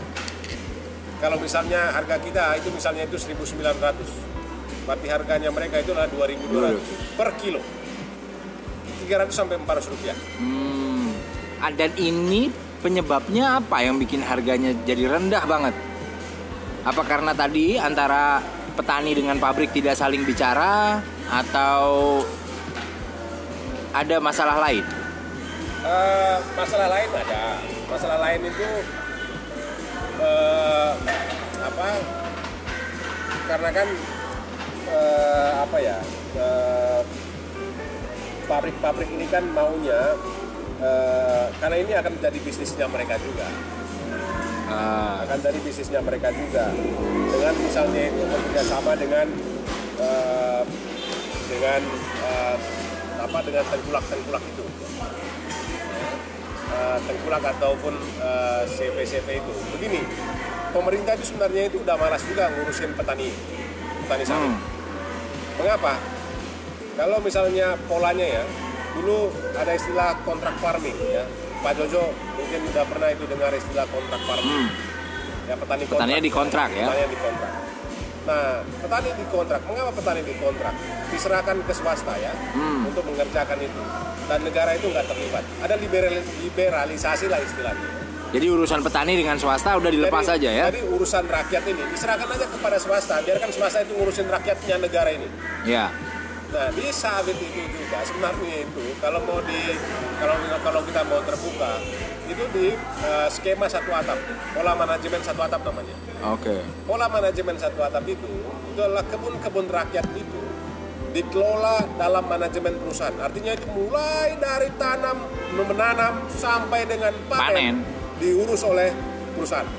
Dari dari petani itu hanya tinggal di rumah, akhir bulan terima gaji. Buruh pun bukan berarti. Buruh pun bukan. Ah. Jadi kalau misalnya petani itu mau dapat tambahan, ya jadi dikontrak jadi buruh saya. Oh, jadi dua kali bayaran. Jadi, jadi dua kali bayaran. Jadi kan kalau so- so- soal uh, kemandirian petani yang tukang cangkul, tukang Iya. dodos itu bukan bukan uh, bukan gambaran petani. Iya. Petani itu ya dia itu mau berdaulat di atas lahannya. Hmm. Tapi kalau dikontrak jadinya enggak. Jadi kalau kalau kalau dikontrak jadinya itu enggak. Dan dan dan itulah dan eh, yang saya lihat itu sebenarnya di harga sawit tadi itu pabrik itu juga begitu untuk ngurusin petani mandiri ini ya itu kerepotan Hmm. ngurusin petani petani kecil-kecil ini yang banyaknya minta ampun yang banyaknya minta ampun itu itu untuk dikelola langsung oleh manajemennya dia Ah. Makanya dia makanya dipakai kemudian tengkulak itu ya. dia, dia pakai ke tengkulak itu agar tengkulak itu dia Mengkoordinir dia, ya? dia dia kontrak dengan misalnya itu 10 atau 20 tengkulak satu tengkulak itu bisa berkoordinasi dengan 10 atau 50 orang petani Hmm. dikalikan berapa tengkulak jadi eh, jadi kalau misalnya pakai divisi orang dalam semua ini itu Ah. kan cost juga buat dia Iya. untuk bayar orang untuk bayar apa namanya engagement sama petani itu Iya. itu kan akan mengeluarkan uang ketika misalnya itu dia dikontrakkan saja dengan orang luar dengan tengkulak-tengkulak itu itu kan untuk efisiensi dia juga sama untuk bisnis sampingannya I see. Jadi sebetulnya ada banyak tangan yang tidak terlihat ataupun terlihat di dalam rantai perjalanan dari sawit dari kebunnya petani Ya. sampai ke pabrik. ya begitu begitu juga misalnya alat timbang di pabrik tidak pernah ada yang tahu alat timbangnya pabrik A B C D ini benar apa enggak Hmm. Tapi setahu saya itu alat timbang sawit di Indonesia itu nggak ada yang benar. Oke. Dan rata-rata itu dari satu truk itu 8 yang isinya itu 8 ton ya satu truk itu mereka itu ngambil 100 kilo. Jadi alat timbangnya nggak pasti pas nih ya. Beda Ya, sama karena itu saya yang saya minta itu sebenarnya itu adalah pemerintah itu harus bisa selama moratorium ini harus bisa mengevaluasi ini semua. Wah harus- banyak juga PR-nya ya berarti. Jadi tidak hanya ngevaluasi izin, tapi juga ngevaluasi existing plantation yang kerjasama sama petani. Ini ada nggak kesalahan dalam skema kemitraan selama ini? Ada nggak kesalahan? Itu yang harus dicari tahu Hmm. oleh si pemerintah selama tiga tahun ini. Ya. Menurut saya itu waktu tiga tahun ini untuk mengerjakan itu enggak lah ya, bisa. Ah. Saya kira bisa pemerintah dengan uang yang banyak segala macam pemerintah pusat.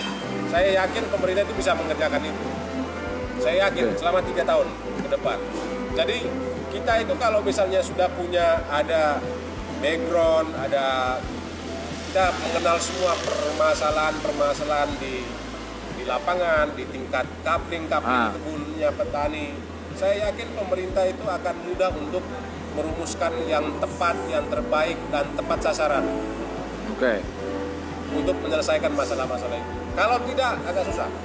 Jadi ini sebenarnya contekan dari Pak Darto terhadap dua kandidat presiden. Karena ini seru banget. Kalau udah ngomongin pilpres yang bentar lagi akan kita song-song. eh, tadi sebenarnya yang rencanain ngomongin pilpres. Ya, Tapi begitu Pak Darto mencetuskan pilpres kayaknya makin seru dan ini contekan sebetulnya. Andai tim suksesnya Prabowo dan tim suksesnya Jokowi mendengar ini, ini contekan untuk mendapatkan suara 14% dari petani yang tadi Pak Darto bilang. Paling tidak ada urusan tata kelola yang perlu dilihat dari tata kelola sawitnya, mulai dari perjalanan eh, buah itu dari kebun sampai ke mills, kemudian urusan bagaimana komunikasi antara petani dan perusahaan juga masuk ke pengawasan ya, pengawasan untuk alat timbang dan yang lain-lain ditambah lagi dengan evaluasi izin. PR-nya banyak tapi contekannya udah dikasih. Ya. So, ini kisi-kisi. Ini ini penting buat siapa tahu ada yang dengerin dan juga tim ses karena banyak lah ya tim ses kita Ya. uh, kita sekarang udah banyak kenal tim ses. So, uh, guys, ini ini obrolan pertamanya. Nanti abis ini kita akan ngobrol sesuatu hal lain lagi yang juga masih terkait dengan petani dan masih terkait dengan sawit. Setidaknya untuk masa depan Indonesia sawit ini mau kayak apa. So, abis lagu ini kita akan bahas lagi bersama Pak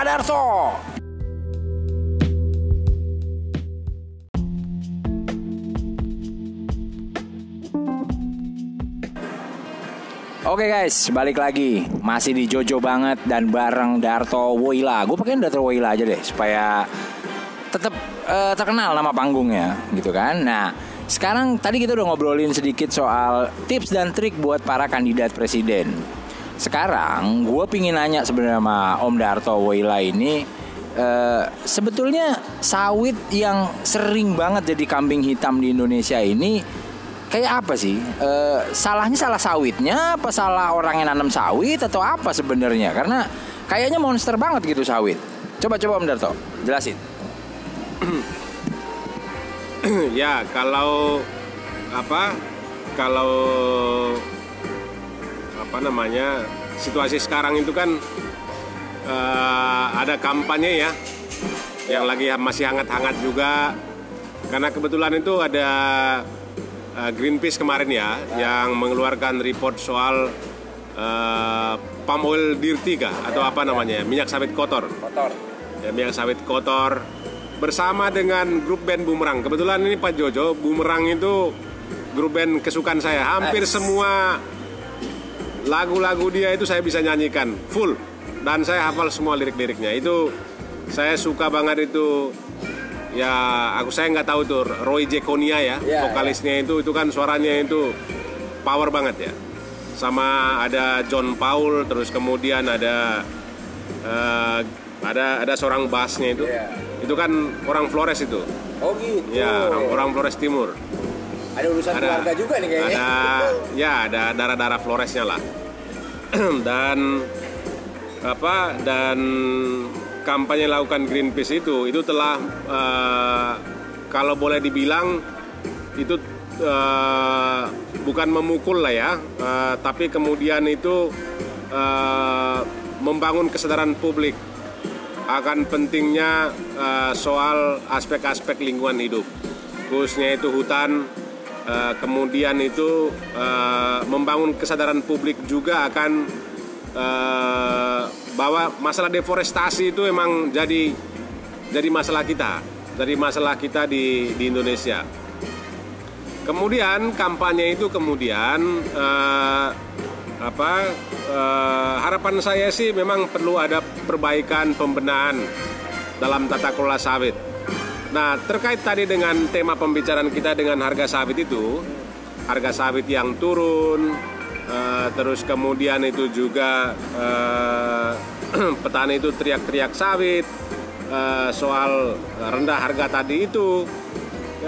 Kita banyak pihak ya banyak pihak itu yang cenderung mengkambing hitamkan kampanye-kampanye eh, kampanye-kampanye NGO Mengkambing hitam. mengkambing mengka- mengkambing hitamkan ya. Eh, terus kemudian juga kalau bicara soal kampanye NGO itu kan tidak hanya soal masalah hutan toh. Tapi juga masalah misalnya eh, apa konflik di perkebunan antara perusahaan dan petani antara perusahaan dengan buruh antara perusahaan dan masyarakat adat.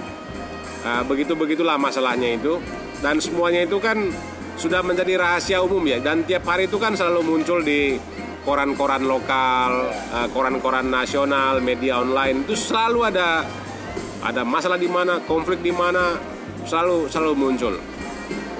Dan menurut sebagian orang, khususnya itu ke negara lagi ya, selalu eh, melihat misalnya eh, apa ini kampanye hitam, black campaign segala macam.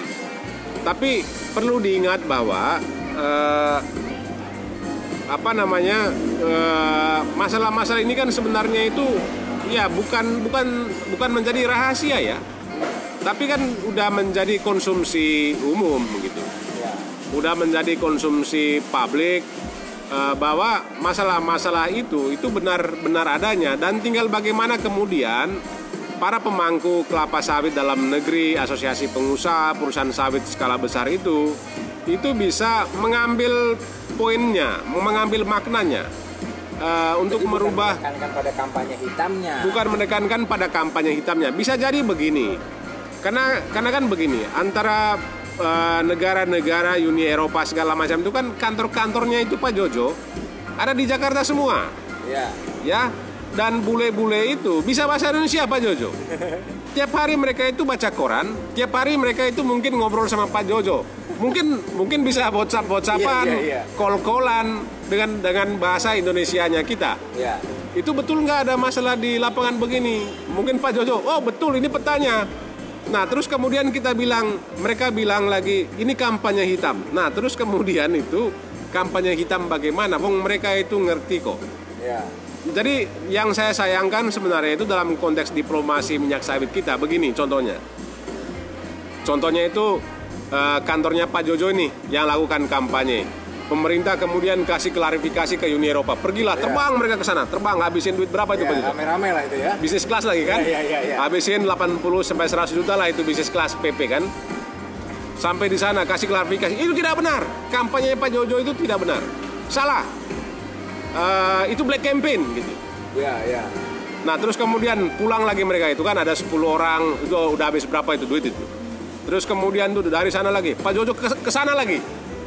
Ini petanya saya. Ini betul nih adanya.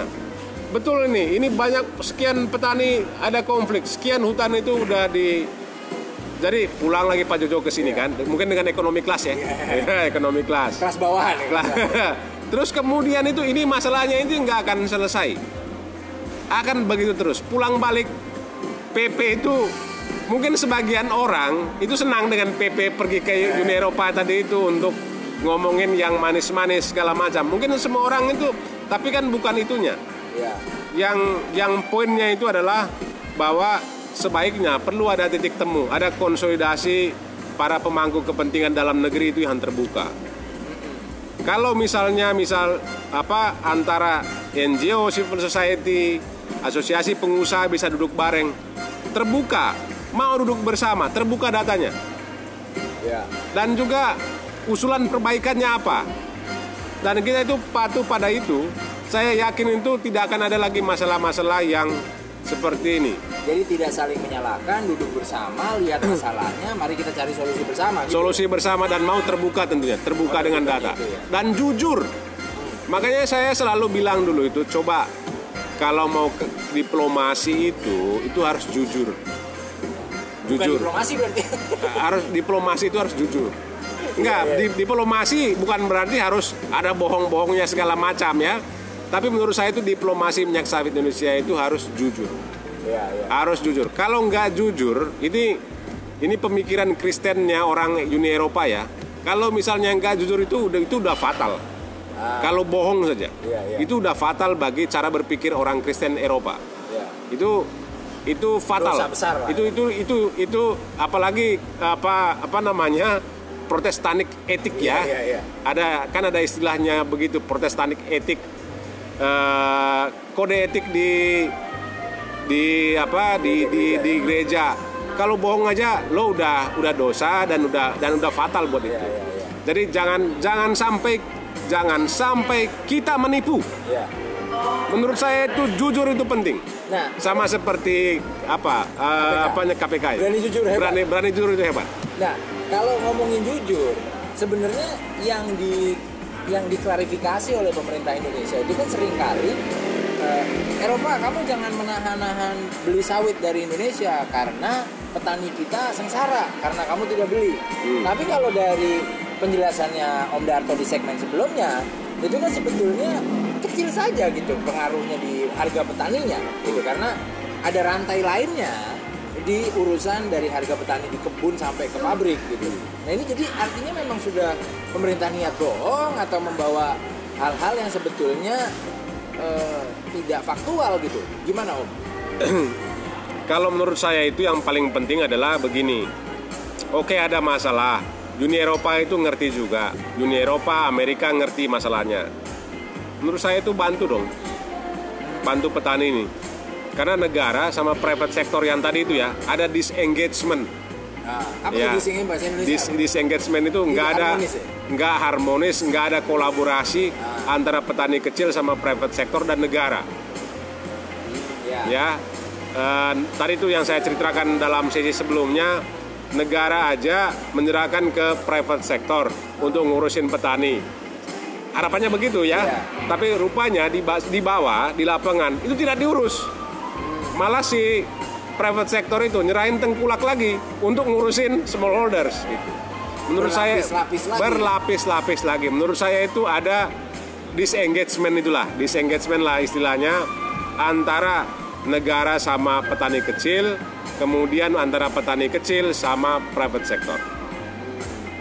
Menurut saya itu ketika ini tidak ada disengagement, pasar yang tadi itu ngomongnya itu jangan ada deforestasi, eh bantulah.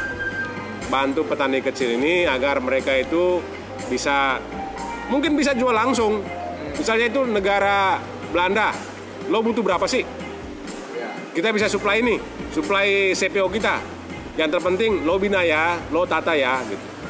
Jadi daripada kita hanya mengklarifikasi klarifikasi terus menerus daripada kita kasih klarifikasi klarifikasi terus menerus menurut aja mereka, gitu. menurut saya todong tidak hanya todong mereka tapi juga todong negara pemerintah itu harus bekerja keras lagi-lagi memang saat-saat pilpres ini lagi itu last momentum yang tepat untuk menodong ya.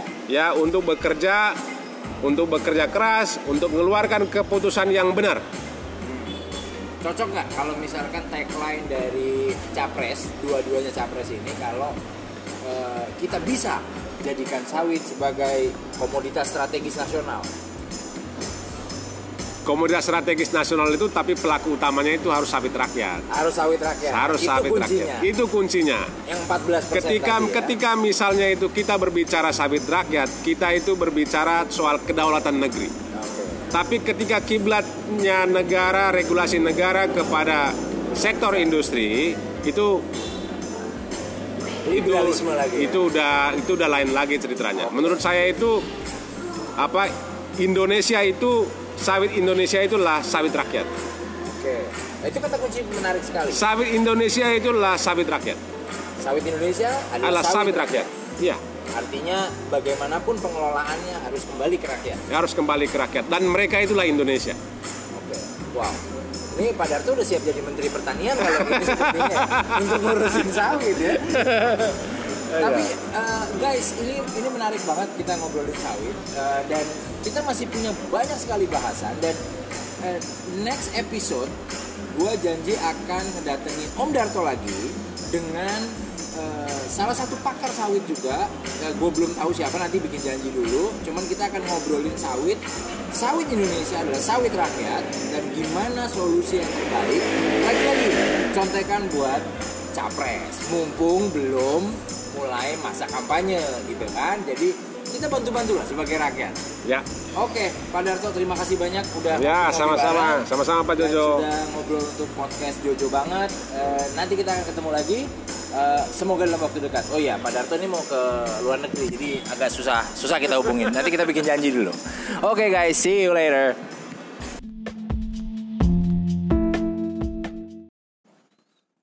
Nah, tadi kita ngobrol udah ya sama Darto Wila nama panggungnya ya enggak nah tadi gue masih pakai oke okay, kita dengerin musik setelah ini gitu kan Pret gue itu itu gue rekam sebelum gue kecele gue tahu bahwa ini nggak bisa pakai musik jadi I'm really sorry about that shit.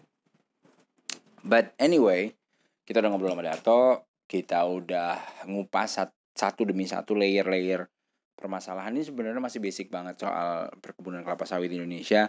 Ada banyak banget informasi yang yang bisa gue uh, share sebetulnya. Tapi ya ya gue gila lu busa-busa mulut gue uh, moga-moga doain aja gue punya waktu untuk bisa nulis uh, soal ini semua uh, sedikit-sedikit sih gue tulis di sana sini uh, but anyway uh, apa pelajaran yang bisa kita dapat dari podcast kali ini? Uh, conclusion conclusionnya apa? Kesimpulannya apa?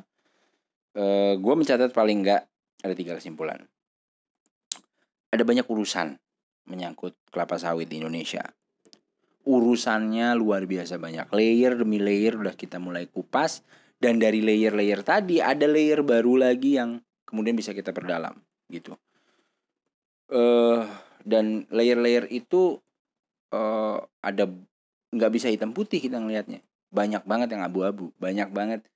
Kalau lu pernah belajar fotografi hitam putih, itu fotografi hitam putih itu bukan cuma hitam dan putih loh.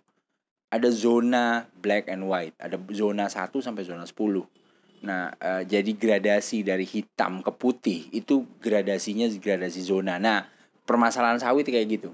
Kayak film hitam putih.